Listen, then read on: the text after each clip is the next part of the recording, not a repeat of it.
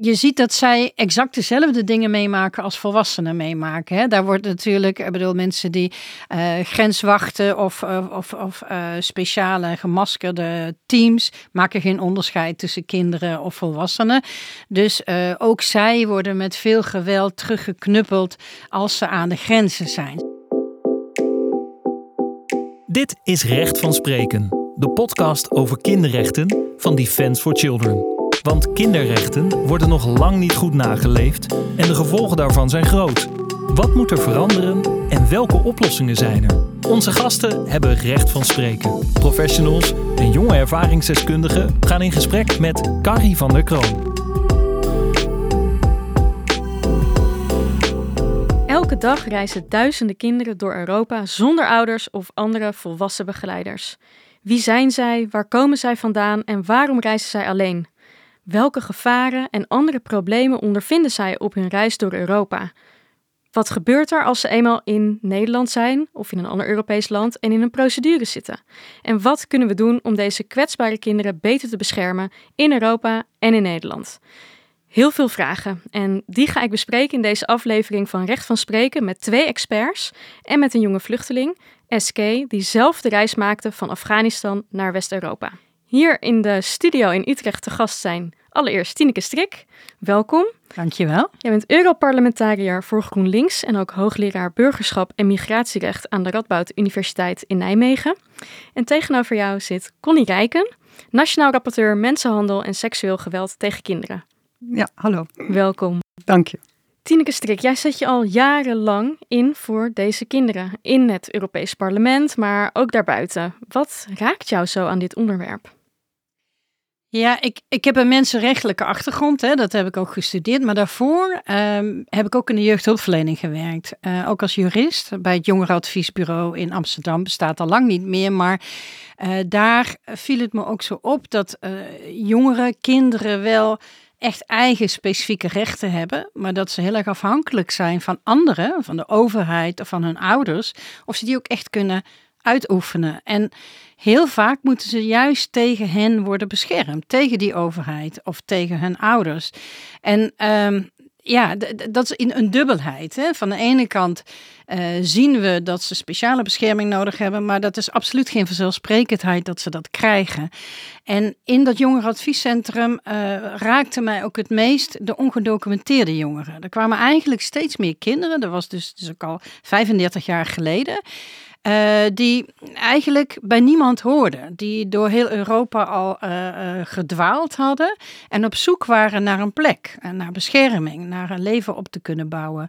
Ja, en dat, dat, dat raakte mij op een of andere manier heel erg. Omdat zij het juist niet zelf kunnen en mensen nodig hebben. Terwijl die juist soms ook een bedreiging voor hun rechten vormen. Ja, en wie zijn die kinderen zonder papieren die bij niemand horen? Want het is niet een homogene groep. Nee, absoluut niet. Uh, soms zijn het kinderen die eh, ja, naar, op drift zijn geslagen door een, een gezinssituatie bijvoorbeeld. En soms daardoor via via ook in andere landen terechtkomen. Uh, maar wat we zien vooral aan de grenzen en in het asielbeleid zijn het vaak onbegeleide minderjarigen die een oorlog ontvluchten uh, of een, andere hele moeilijke situatie. Um, uh, soms zijn ze, worden ze ook voor uitgestuurd door een gezin, omdat er te weinig geld is om met het hele gezin te reizen. Um, ja, en, en, en dan gaan ze op pad. En, en het zijn vaak alleenstaande jongens, maar er zitten ook meiden tussen. Er zitten soms ook echt hele jonge kinderen tussen, die bij wijze van spreken hun familie zijn kwijtgeraakt. Um, dus ja, je, je moet echt heel goed kijken van met wie heb ik nu te maken en, en, en wat heeft die persoon nodig. En hoe zet jij je in als Europarlementariër voor deze kinderen?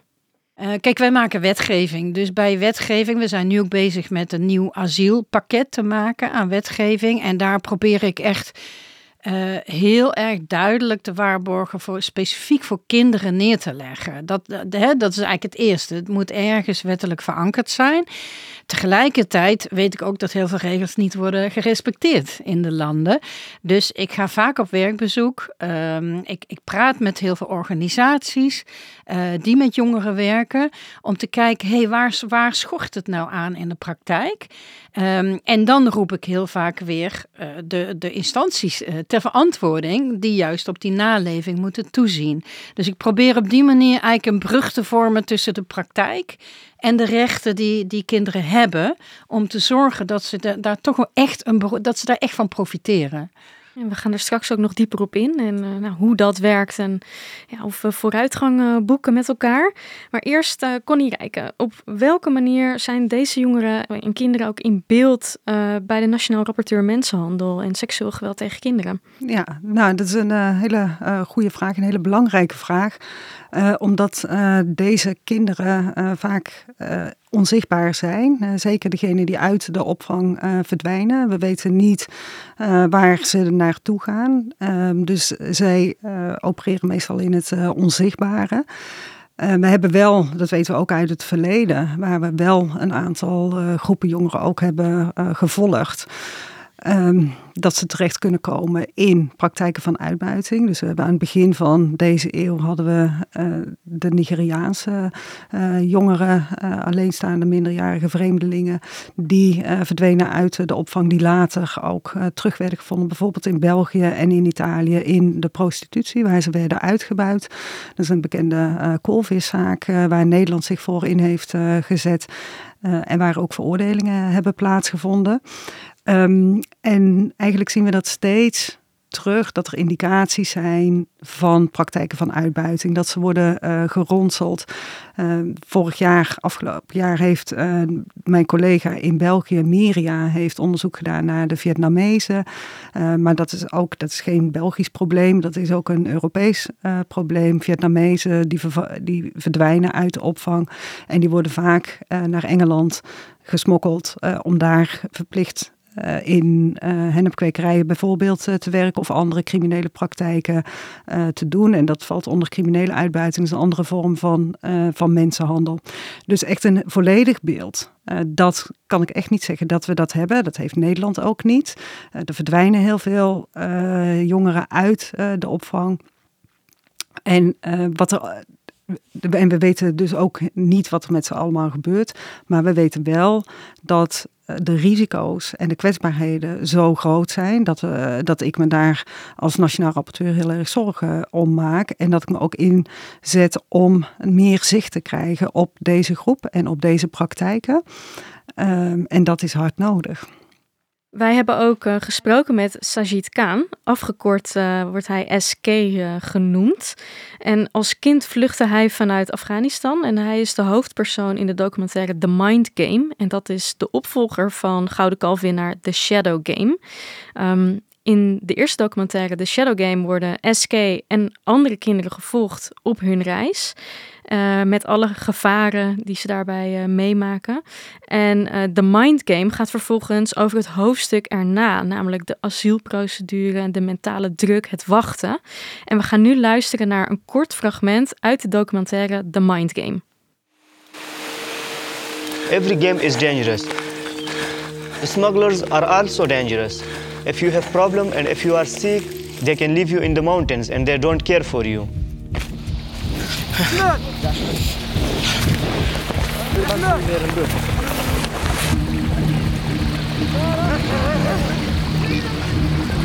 police pushed me back on every border.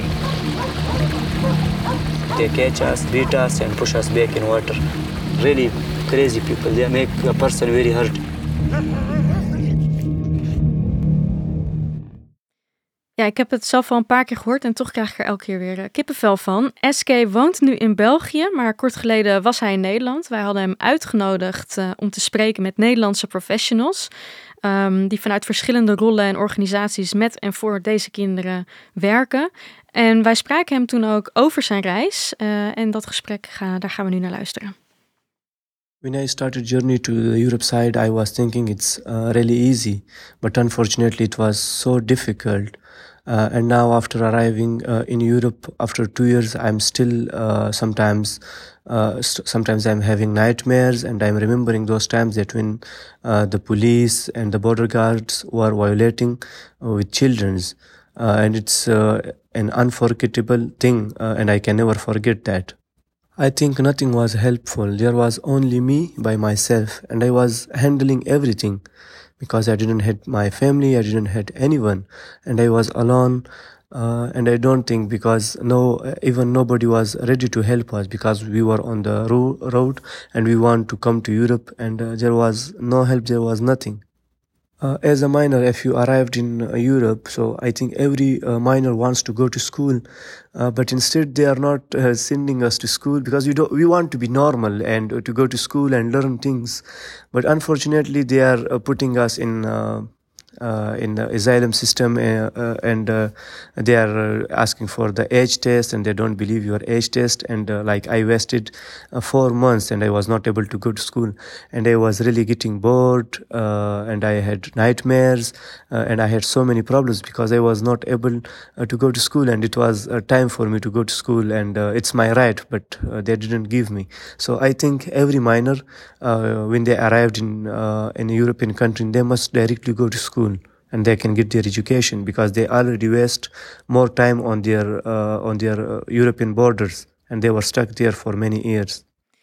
Wat mij ontzettend raakte aan de documentaire en ook mijn ontmoeting met SK is ja, die diepe eenzaamheid, uh, maar ook de, ja, de wens om gewoon naar school te gaan, zoals elk kind. En uh, hij vertelt toch ook wel over grof geweld door Europese autoriteiten. Dat vond ik echt schokkend. Uh, Tineke, jij hebt SK volgens mij meermaals uh, mogen ontmoeten. Hoe luister jij naar zijn verhaal? Ja, eigenlijk op dezelfde manier ook. SK is, um, hij is heel veerkrachtig. Hè? En, en, en dat is ook waarom hij het gehaald heeft. En, en dat hij nu al zo ver is om ook uit te leggen wat het hem deed. Um, maar SK vertelt ook over mensen, jongeren om hem heen, die het nog veel moeilijker hadden en die het niet hebben gered. Um, uh, dus, en, en, en de onmacht die hij daarbij ook voelde. Uh, je, hoort niet alleen uit dit gesprek, maar ook uh, andere keren dat ik er met hem sprak, de dubbelheid van je moet heldhaftig zijn onderweg, want je bent volkomen op jezelf aangewezen. Je ziet ook wel dat jongeren bij elkaar kruipen om toch een soort van bescherming van, van elkaar te hebben. Maar de rest is allemaal vijandig en onberekenbaar. Ja, en als je dan nog maar 15, 16 bent. Heel veel van die jongeren zijn al op een veel vroegere leeftijd vertrokken. Want ik heb ze vaak gesproken, ook in Kroatië bijvoorbeeld of bij Griekenland. Vaak zijn ze dan al jaren onderweg. Dus van de ene kant uh, verharden ze wel een beetje, want ze moeten kunnen overleven. Maar je merkt heel vaak later dat die trauma's weer terugkomen als ze veilig zijn. Uh, dan merk je hoezeer het ze beschadigd heeft. In nachtmerries, in angsten, in concentratieproblemen. En dat lopen ze allemaal tijdens die gevaarlijke reizen op. Ook door, door optreden van, uh, van grensautoriteiten van Europa. Ik zie ook uh, heel heftig knikken, inderdaad, Connie. Ja, nou, ik heb in het verleden met uh, Mirjam van Rijs, uh, toen ik nog volledig aan de Universiteit van Tilburg werkte, onderzoek gedaan naar Eritreërs en degene die op de route naar Nederland of naar Europa, wat daar gebeurt. En dat zijn vergelijkbaar, vergelijkbare praktijken van van geweld, uh, allerlei vormen van uh, geweld waar zij aan ten prooi vallen. En ook heel erg wat Tineke net zegt over de psychische gevolgen daarvan als ze dan bijvoorbeeld hier in Nederland komen. En je moet je voorstellen, zij zijn twee, drie jaar bezig geweest met het uh, overleven. Dus echt alleen maar op de vluchtstand. En dan in één keer worden ze uh, gedwongen om stil te zitten. Uh, en dat is het moment waarop die trauma's terugkomen. en daar is eigenlijk te weinig ruimte voor om daar rekening mee te houden in, in de asielprocedure. Dan is er natuurlijk een hele lange periode dat er onduidelijkheid is over de asielprocedure. Dus dat, dat geldt dan, of dat dat geeft dan opnieuw stress en, en, en, psychische klachten. En als ze dan op dat moment een status krijgen, dan komt alles in volle hevigheid terug. En dat is vaak iets wat mensen niet weten en zich niet realiseren. Vaak denken ze van, oh, iemand gaat van A naar B. Hè, die vertrekt uit, nou ja, bijvoorbeeld uit Afghanistan en gaat naar Turkije of Europa. Maar dat is niet je gaat niet van A naar B. Er zit een heel stuk zit daar tussen. En daar wordt eigenlijk nooit echt veel aandacht aan besteed. Uh, en ook als we het al weten, dan wordt daar geen rekening mee gehouden van als zij uiteindelijk hier uh, in Nederland komen. En als je ziet wat een weerbaarheid ook van SK, uh, oh, ook als we het in de documentaire, maar ook wat je hier hoort over wat hij heeft meegemaakt en hoe die dan zijn leven weer terug op kan pakken, dat is bewonderenswaardig. Maar we moeten er echt op bedacht zijn dat die trauma's dan ook terugkomen. ja, dus we zien, hè, het is een, eh, een bijzonder verhaal. Er zitten uh, ja, heel veel moeilijkheden in. En tegelijkertijd is het gek genoeg ook ergens een succesverhaal. Want er zijn ook kinderen en jongeren met wie het ja, slechter nog afloopt. Laten we de reis die SK maakte in gedachten proberen af te leggen. Um, landen van herkomst, um, landen buiten de Europa waar deze kinderen uh, allereerst aankomen. Uh, Tineke, jij bent daar geweest op verschillende plekken ja, aan de randen van Europa, om het maar zo te zeggen, voordat kinderen en jongeren uh, Europa inkomen. Wat heb je daar gezien als grootste problemen? Kun je ook vertellen, waar ben je geweest? Um, ik, ik, ben, uh, ja, ik ben in, uh, in, in, Turkije geweest, in, in, Marokko, um, in Italië heb ik gesproken met jongeren die uh, de bootreis vanaf Libië hadden overleefd als een van de weinigen op een bootje. Dus die heel veel mensen hadden, hadden zien overlijden en die bijna zelf waren overleden. Um, in Griekenland ben ik verschillende keer geweest en in Kroatië en ook bij Litouwen en Polen en Hongarije. Uh, en eigenlijk zie je bijna overal hetzelfde patroon wel. Uh, wat ik net al zei, van jongeren die al heel lang onderweg zijn.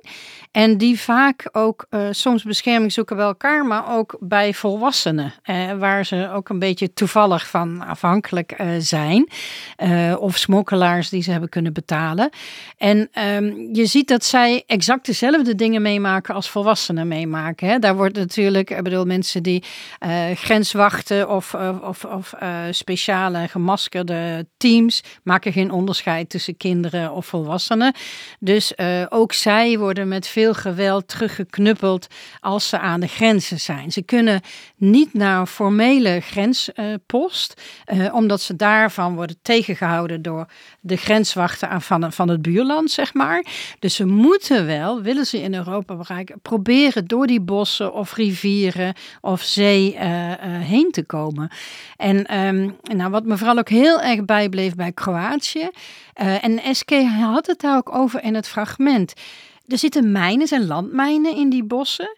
Uh, overal zijn uh, uh, groepjes politieagenten of, of, of van die soort speciale troepen op zoek naar mensen om terug te knuppelen.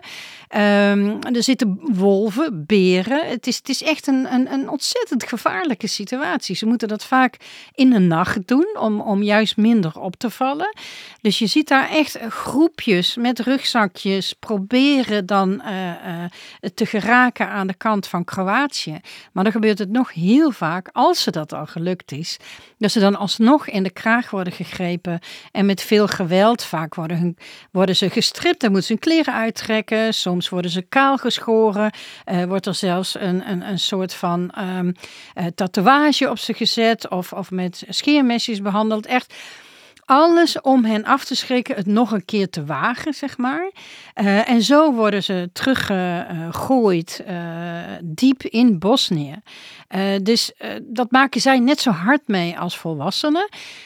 maar je kunt je voorstellen dat dat bij kinderen nog veel harder aankomt. En ik ben ook in kampen in Bosnië geweest. En ja, daar lieten heel veel mensen ook hun verwondingen zien. littekens van, van de scheermesjes botbreuken, mensen in het gips liepen, die dus gewoon voorlopig ook niet meer uh, het opnieuw kunnen, kunnen proberen.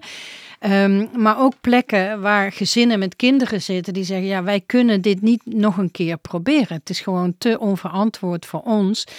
Dus het zijn vooral juist de jonge jongens hè, die dat risico nog durven nemen. En, en dat kan er dan soms stoer uitzien met een petjes op en zo. Maar je weet dat diep in hun hart zijn zij net zo bang als elk ander. Ja, we horen hier vaak in het nieuws over pushbacks. En dat vind ik altijd, ik weet niet wat ik me daarbij Klinkt moet zo voorstellen. misschien. Ja, van wat is het nu? Maar de dingen die je noemt, dat is ja, grof Ja, geweld. Ja, het is, kijk, het hoeft niet per se met grof geweld, maar bijna altijd wel. Ik bedoel, het is niet zo dat, dat men vriendelijk wordt verzocht om het land weer eh, te verlaten zoals ze zijn binnengekomen. Zo is het niet.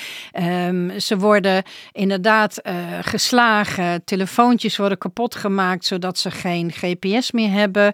Eh, ze worden vaak van hun geld beroofd. Eh, dus ja, het is ook echt een manier om ze een lesje te leren, zeg maar, om het niet meer te doen. Dus het is, het is meer dan alleen maar zorgen dat ze niet meer verder kunnen reizen eh, het land in. En, en wat je nu vaker gebeurt, dat hoor ik, hoorde ik de laatste keer toen ik in Kroatië was.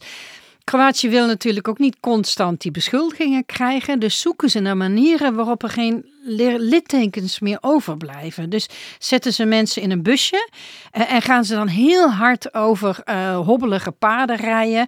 Of laten ze gewoon de hele dag in de hete zon staan. Dus echt dingen waar je ook helemaal ziek, zwak en misselijk van wordt. Maar wat je niet later kan aantonen. Eh, dus er wordt heel bewust nagedacht over hoe kunnen we deze mensen ja, kapot maken. Ja, misschien even ter aanvulling, want dit is eh, bij eh, in het internationaal recht is dit eh, verboden. Dat mag niet. Maar het, het, gebeurt wel en op een hele grote schaal. Er is ook heel veel van deze verhalen zijn ook gedocumenteerd in de Pushback Black Book, waar nou, honderden testimonies in staan over dit soort praktijken, precies zoals die, zoals Tineke die zojuist beschreef.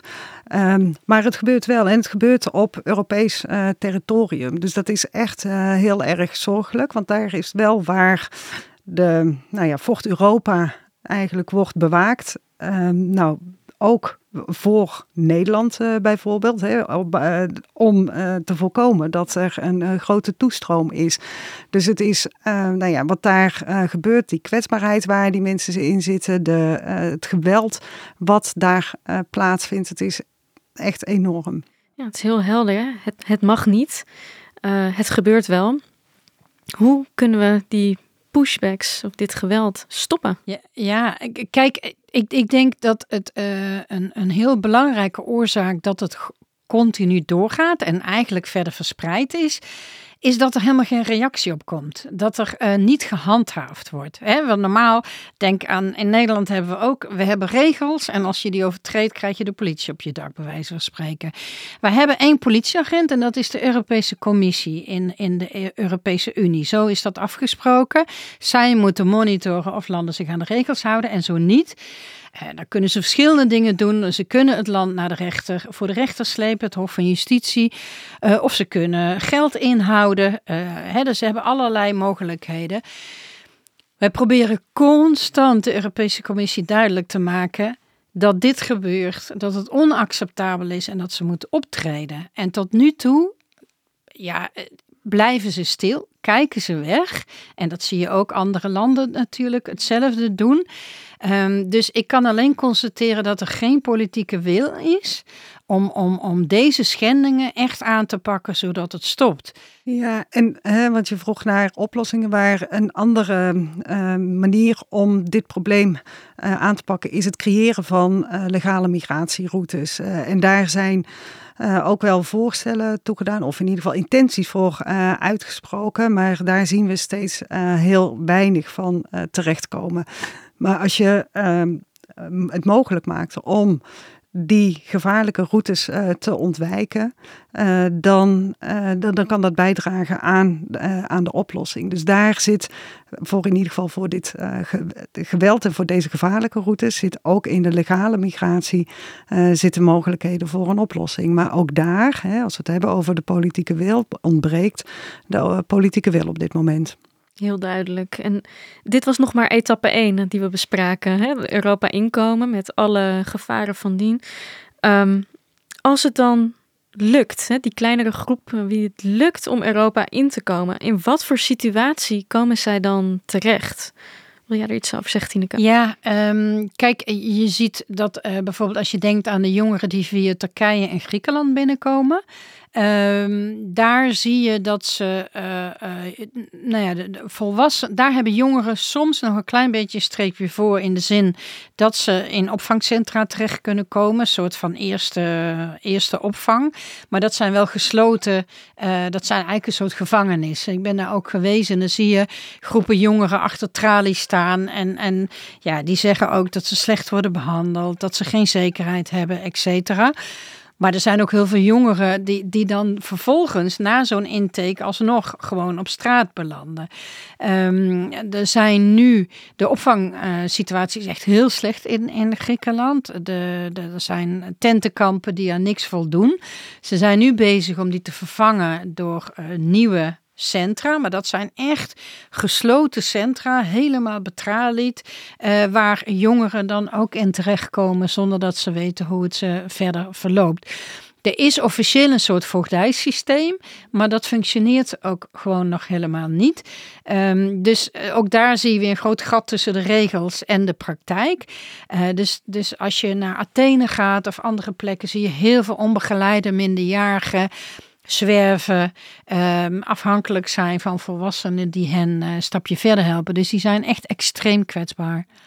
Ik heb in uh, Griekenland uh, als hoogleraar uh, mensenhandel en globalisering ook onderzoek gedaan naar uh, met name de vluchtelingen die niet in de kampen zitten in Griekenland, dus in Athene en Thessaloniki. en ook gekeken naar de jongeren. En daar zijn de praktijken van uitbuiting echt enorm. Hè? Dus in Athene zie je ze op straat, maar je ziet ook in bepaalde parken.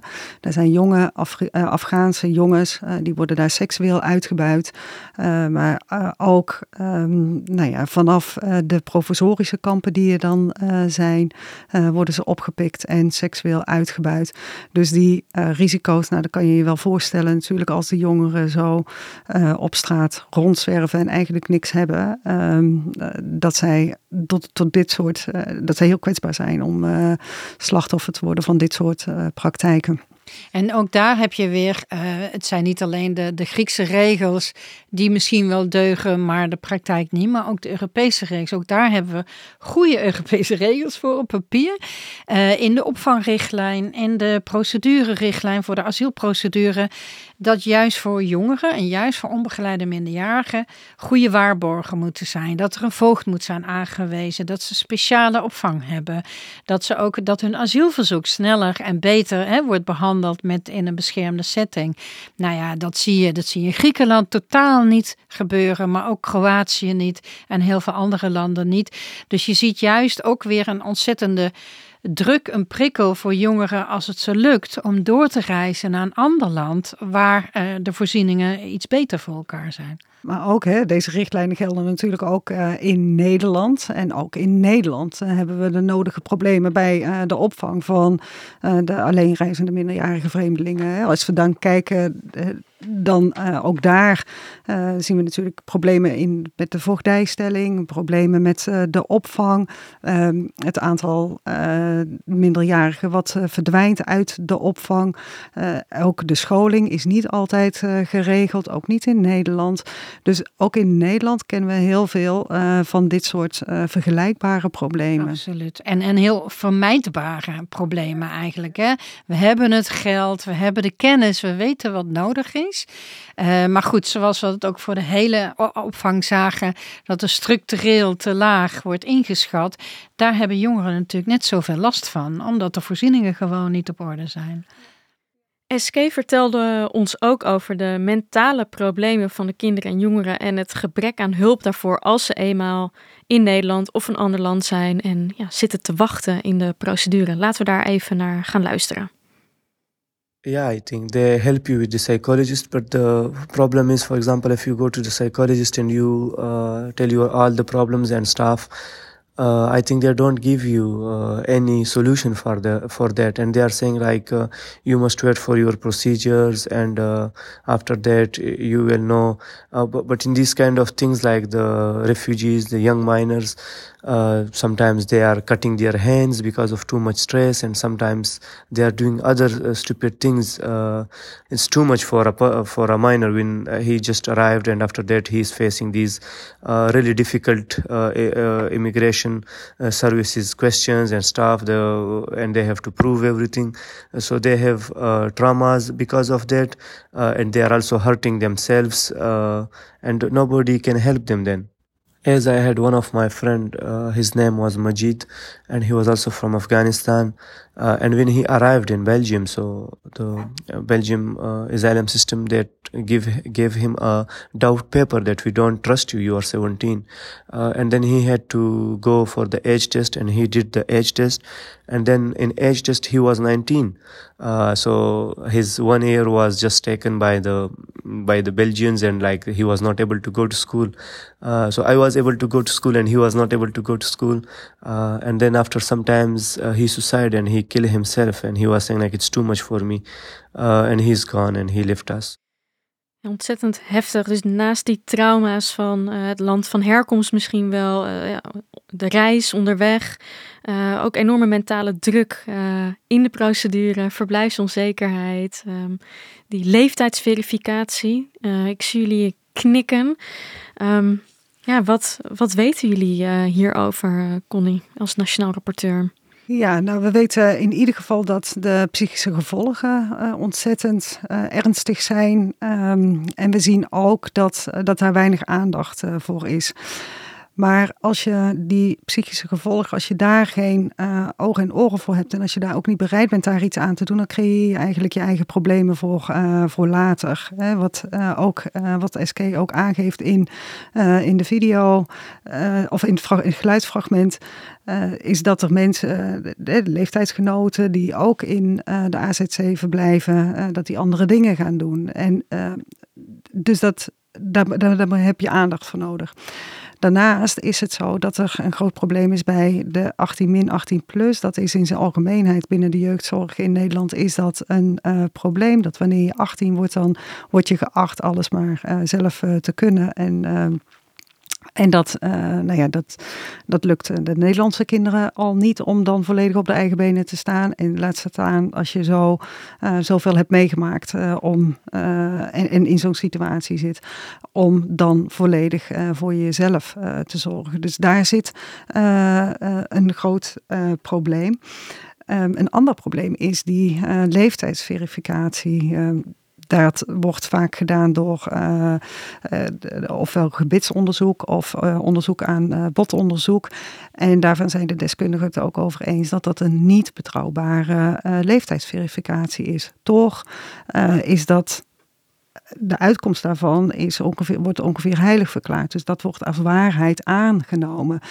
Dus daar zou je eigenlijk een, gewoon een onzekerheidsmarge in moeten bouwen.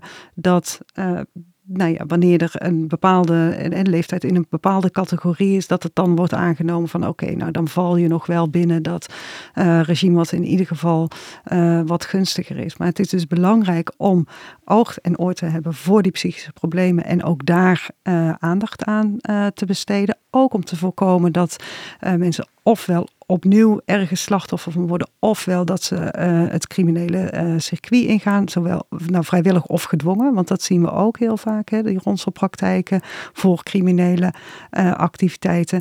En ook nog eens heel goed kijken naar die procedures voor de leeftijdsverificatie. En binnen de Raad van Europa zijn daar ook goede aanbevelingen gedaan hoe je daar uh, mee om moet gaan. Dat dat echt een uiterste middel is om, om aan te wenden. En dat is niet alleen met de leeftijdsverificatie, maar ook bijvoorbeeld met de documentatie. Als, um, we vragen vaak het onmogelijke van de mensen die drie jaar onderweg zijn geweest, alles uh, kwijt zijn geraakt tot twee, drie keer, vier keer toe. Um, maar dan vragen we van, ja, goh, heb je een geboortecertificaat bij je? En als het niet zo is, ja, wil je dat even dan opvragen in Eritrea of in Afghanistan bijvoorbeeld?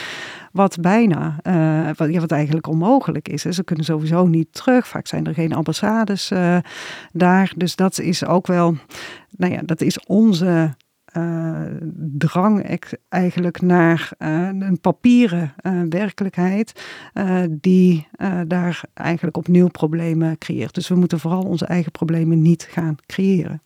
Je problemen zijn niet van vandaag of uh, gisteren. Hè? Dat, is, dat is eigenlijk een beetje het frustrerende. Ik heb in 1989, mind een scriptie geschreven over, uh, over onbegeleide minderjarige asielzoekers. Zo heette ze toen nog, de oma's.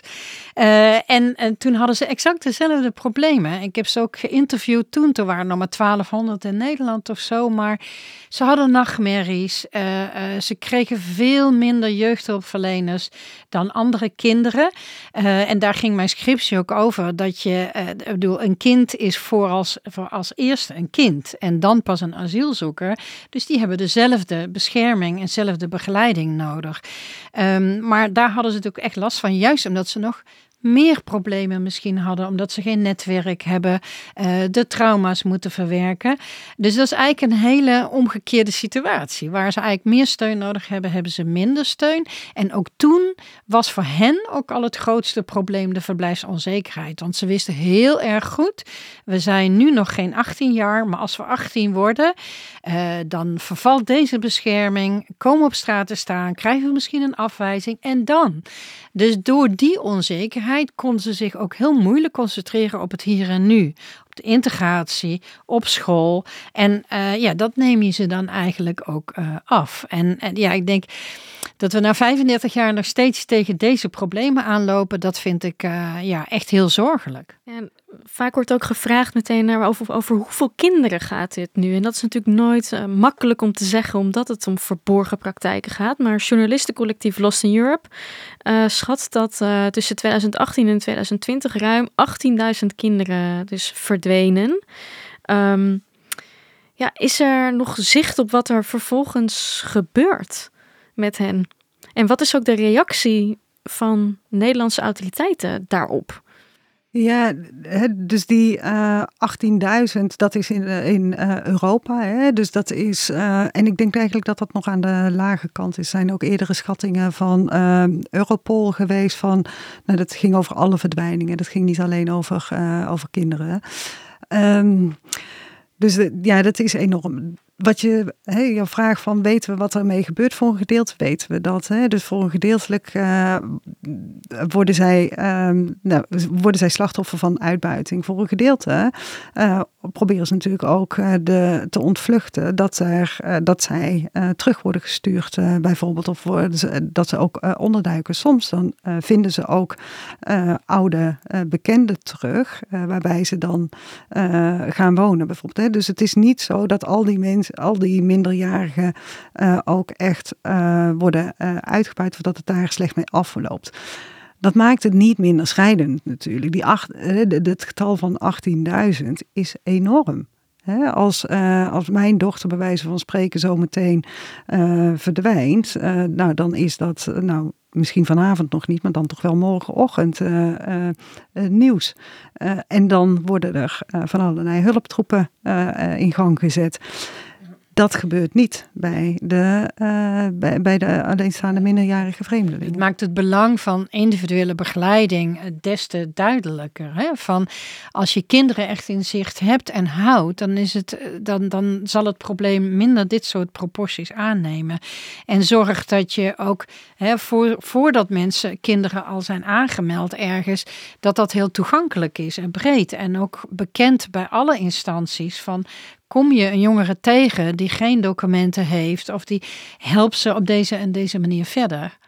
In alle stadia van de kinderen en de jongeren die reizen, alleen zijn, in, buiten Europa, naar Europa, in Europa, misschien ook wel in Nederland op een gegeven moment of in een ander land, uh, zijn er ontzettende gevaren die op de loer liggen, allerlei problemen die ze meemaken. We weten dit ook al heel lang, geef je aan, uh, Tineke. Ik hoor jullie ook zeggen dat er handelingsperspectieven zijn. Er zijn ook verplichtingen. Um, en er is een gebrek aan politieke wil. Dus er is ontzettend veel uh, te doen en heel veel redenen. Jullie hebben heel goed uitgelegd waarom het ook niet lukt. Um, Maar is er een perspectief? Is er hoop? Ja, ik, ik denk, uh, ook al is het hardnekkig, hè, het is moeilijk om dingen veranderd te krijgen, zie ik toch ook wel dat het belang van het kind uh, steeds zwaarder wordt gewogen. Je ziet het in rechtelijke procedures. Het Hof van Justitie heeft al juist bij alleenstaande minderjarige asielzoekers uh, en ook bij gezinsverenigingsprocedures van kinderen heel duidelijk het belang van het kind vooropgesteld. Hè, dat er juist niet zo moeilijk mag worden gedaan met documenten bijvoorbeeld. Uh, dat er juist snel gehandeld moet worden, zodat er snel zekerheid komt en dat soort zaken. Um, dat vind ik heel hoopgevend. En, en dat dwingt ook regeringen om dat belang van het kind een duidelijkere plek te geven. Dat zie je ook aan de Nederlandse rechters die dat ook overnemen. We hebben natuurlijk ook toezichthoudende comité's van bijvoorbeeld het kinderrechtenverdrag, dat ook duidelijke uitspraken doet. Zoals bijvoorbeeld over detentie, want veel te veel kinderen belanden nog steeds in detentie, alleen maar omdat ze geen papieren hebben.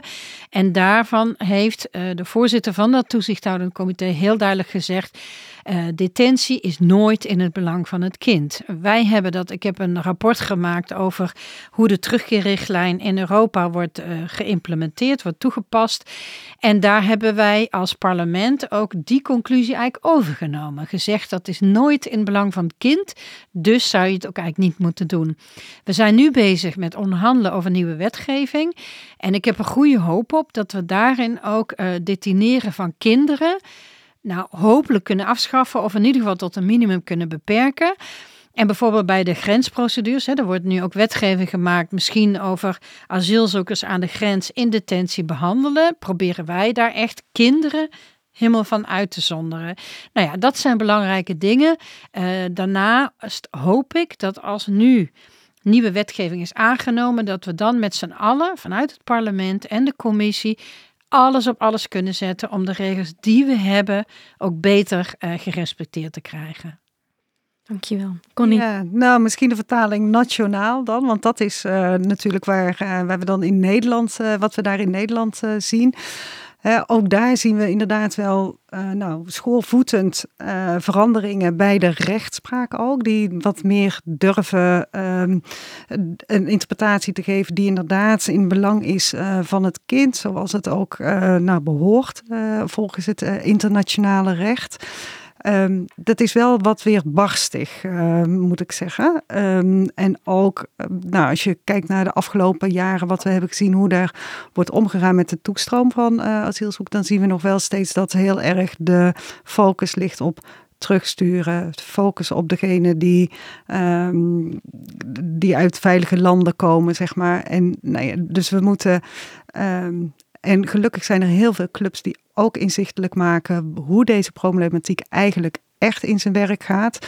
Dat er sprake is van ronselen, dat er sprake is van criminele uitbuiting, dat er uh, dat die kinderen beter uh, behandeld moeten worden. En daar moeten we vooral ook mee doorgaan en de regering constant op blijven attenderen en op aanspreken. Connie en Tineke, heel veel dank voor jullie inzet voor onbegeleid reizende kinderen. En natuurlijk voor het aanschuiven vandaag in de studio voor deze podcast. Dankjewel. Samen met Free Press Unlimited en journalistencollectief Lost in Europe werkte Defense for Children ECPAD de afgelopen drie jaar aan het project Mind the Children om aandacht te genereren voor onbegeleid reizende kinderen met als doel om die situatie te verbeteren. Dat deden wij met de steun van de Nationale Postcode Loterij. De problemen van deze kinderen kennen we al heel lang en dat vind ik persoonlijk moeilijk te verteren. Het lukt maar niet om dit op te lossen en dat terwijl we echt wel iets kunnen doen voor deze kinderen. Oplossingen zijn mogelijk, bevestigen Connie en Tineke ook vandaag in deze studio en er zijn handelingsperspectieven. Daarvoor zal Defense for Children ECPAD zich dan ook blijven inzetten.